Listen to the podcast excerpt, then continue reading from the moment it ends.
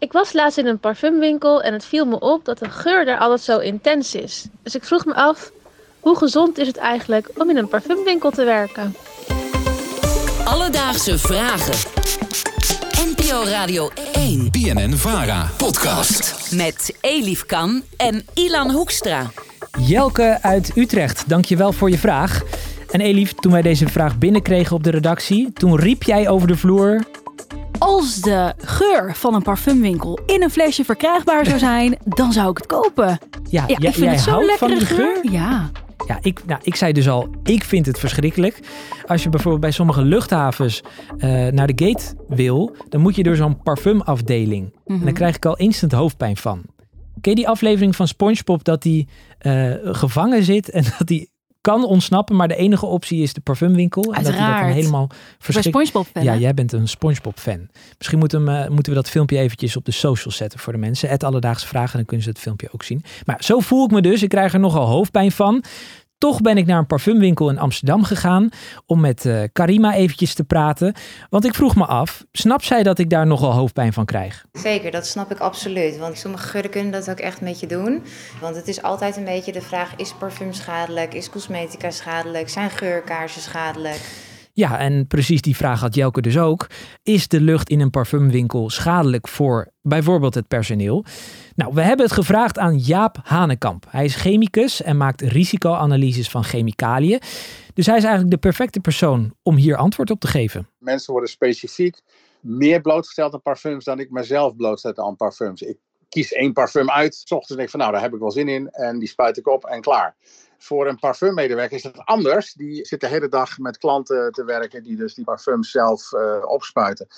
Dat is wel natuurlijk op enige afstand. Dus meestal staan eh, medewerkers daar niet dichtbij. Dus in principe verwaaien die stoffen vrij snel, zeker als er goed wordt geventileerd.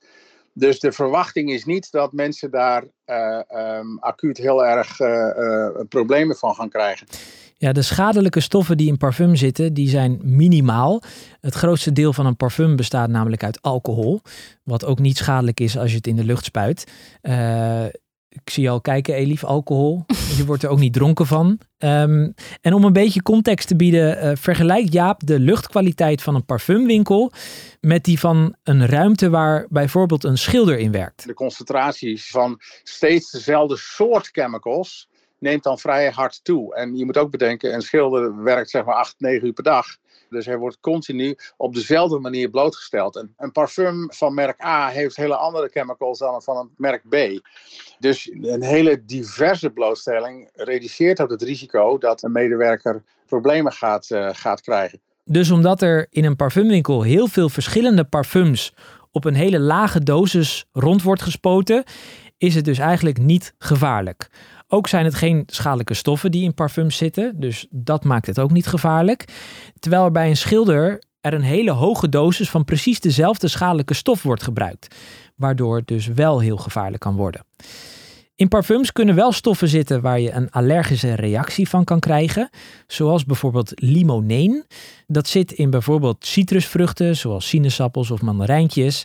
Of bijvoorbeeld beta-pineen, eh, wat dan weer in je kerstboom of in eh, dennenbomen zit. En zo'n hoofdpijnreactie? Nou, dat, dat heb ik dus ook aan Jaap gevraagd. Ehm, dat betekent niet dat ik er allergisch voor ben, maar dat is vooral een soort van overprikkeling van geur. Een soort van neurologische reactie in mijn lichaam. Eh, en hoe dat mechanisme dan precies in mijn lichaam werkt, dat is nogal onbekend. Daar moet eigenlijk wat meer onderzoek naar gedaan worden. Ook heb ik nog even met de arbeidsinspectie gebeld. Want ik vroeg me af, ja, checken zij dan de luchtkwaliteit bij die parfumwinkels? Nou, zij doen dat niet, omdat de gezondheidsrisico dus niet groot genoeg is om dat bij te houden. Wel doen ze dat bijvoorbeeld in nagelsalons. Maar dat zijn denk ik schadelijkere stoffen. Precies, en daarom checken ze dat daar wel. Alledaagse vragen. Nou, Elif, eh, ik wist dus eigenlijk al dat jij zei dat luchtje van de parfumwinkel wil ik samenvatten in één luchtje.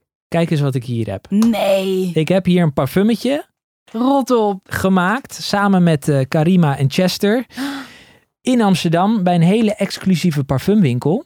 Eh, dus eh, hier heb je Mag een strookje. Ja, je mag het sprayen. Eh, en ondertussen gaan we even luisteren naar eh, Karima, hoe ingewikkeld het eigenlijk is om dit te maken. Die hangt natuurlijk van alles in de lucht. En het grappige is, als wij binnenkomen, wij ruiken dat niet eens meer. En als een klant binnenkomt die zegt dan, oh wat is dit voor geur, hebben jullie die ook? Nee, ja, die, die bestaat eigenlijk niet. Dus hij heeft zijn best gedaan om een mix te maken van de hardlopende uh, geuren.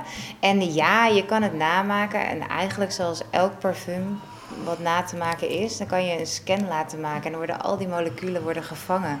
En dan zou je een parfum kunnen maken.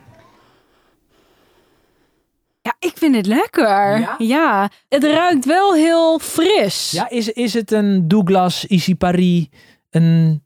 Zo, het komt hier ook binnen. Ja, ik, ik zou inderdaad nu denken, ik ga die winkel even naar binnen. Lekker geurtje. Nou. Dus Jelke, hoe gezond is het om in een parfumwinkel te werken? Nou, laten we zeggen dat het niet ongezond is.